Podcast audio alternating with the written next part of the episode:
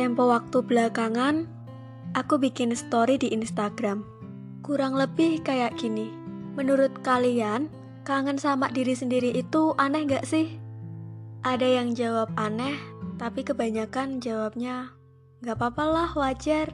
Di story yang selanjutnya, aku bikin kayak kolom gitu. Apa sih yang kalian kangenin dari diri sendiri?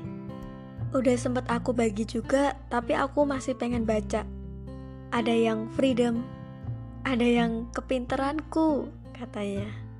Ada juga yang kangen sama diri sendiri perihal pakaian, dulunya syari, sekarang karena ada dunia peroutfitan makanya lebih berkurang. Ada yang kangen dulu pikirannya nggak seketat ini, sekarang lebih mikirin masa depan.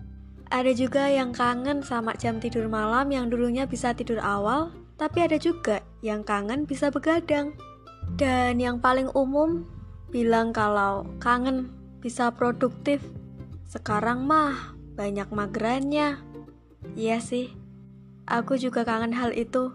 Bahkan hampir semua hal yang ditulis sama teman-teman itu juga jadi hal yang aku kangenin dari hidupku. Tapi namanya juga proses pendewasaan. Kita ketemu sama hal yang beda ketemu sama orang yang beda, ada di keadaan yang beda, dan situasi kebutuhan pun berbeda. Mungkin yang bisa kita lakukan berbenah dan terus maju. Hal-hal kayak kurang produktif mungkin bisa kita coba benahi sedikit demi sedikit. Tapi perihal perencanaan, visi misi, dan target kita ke depannya, aku rasa itu memang sudah seharusnya kita pertahankan.